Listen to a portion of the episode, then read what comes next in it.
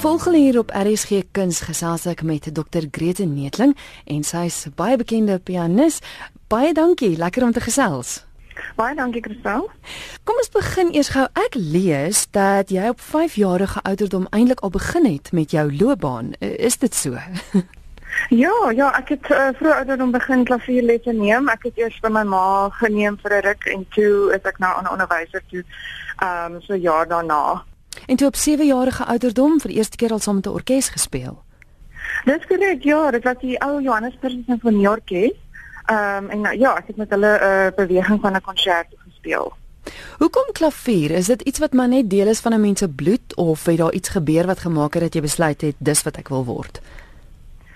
Ag, jy, ek dink musiek was so deel van my lewe as toe ek 'n kind was en my ma was 'n klavieronderwyseres. Ehm um, musiek was deel van jy weet ons ons familie tyd en gesin. Ons was almal baie lief vir musiek. Um, ons het vier kinders en ons het almal musieklesse geneem. En ja dit was maar net iets wat ek en ek het hard gewerk daarin maar ek was ook baie lief daarvoor. Hmm. en klavier ek het beide klavier en viool geneem toe ek um, kleiner was.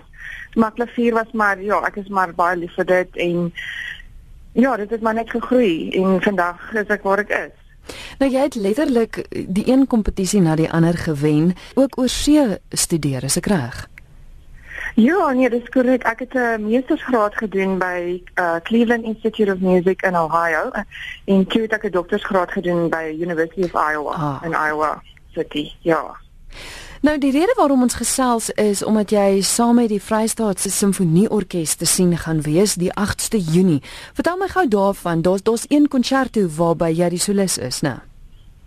Dis korrek. Ja, ek speel die Saint-Saëns um, nommer 2 in G minor en um ja, ek is die solis vir dit. So um, hulle speel drie werke, daar's drie werke op die program, maar ek is um solis vir vir die Saint-Saëns. Is dit 'n uitdagende werk? Dit is uitdagend um, dis 'n romantiese werk. Ehm um, daar's baie tegniese passasies wat moeilik is. Ehm um, en jy sien uh, jy weet dis jy moet 'n mooi klank maak. Ehm um, en daar's verskillende baie karakters in die, in die stuk. Ehm um, afwisselend tussen die klavier en orkes. Ehm um, maar dit is ook 'n baie mooi ehm um, stuk. Dit is maklik om na te luister. Dit is nie gecompliseerd um, in daai manier nie. So Ja, dit is dit is 'n baie baie mooi werk. Dit is my altyd verstommend hoe julle as pianiste saam met 'n orkes, ek weet nie hoe gereeld jy saam met hulle optree nie, maar net bymekaar kan kom in hierdie ongelooflike werk lewer. Is daar sekere dinge wat wat wat jy moet doen wat jou kop moet reg wees, 'n ingesteldheid wat jy moet hê om om dit te kan doen?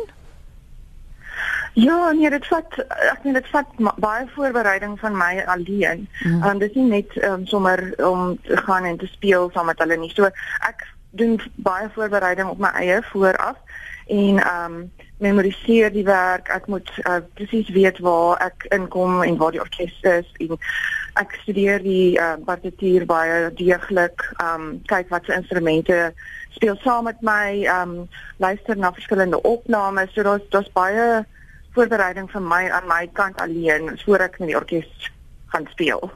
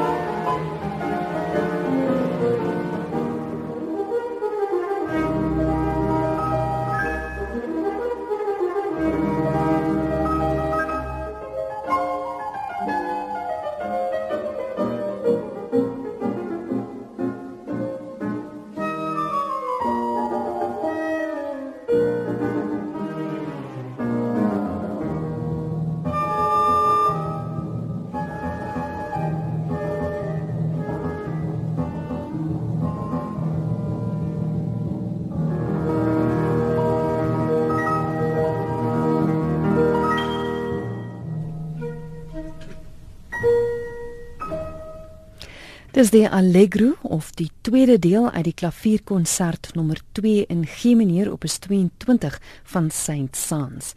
Dis hier uitgevoer deur Grigory Sokolov saam met die USSR Simfonieorkes onder leiding van Yemi Jarve. Nou, dit is natuurlik waarna jy kan gaan luister. Dit is die pianis Grete Netling saam met die Vrystaatse Simfonieorkes onder leiding van Alexander Fokkens wat dit gaan uitvoer. Saam met die werk kan jy ook gaan luister na Unanswered Question en die simfonie nommer 39 in E-mol majeur deur Mozart en dis 'n konsert wat donderdag 8 Junie om 7:30 by die Odeon plaasvind en kaartjies vir die konsert is beskikbaar by CompuTicket.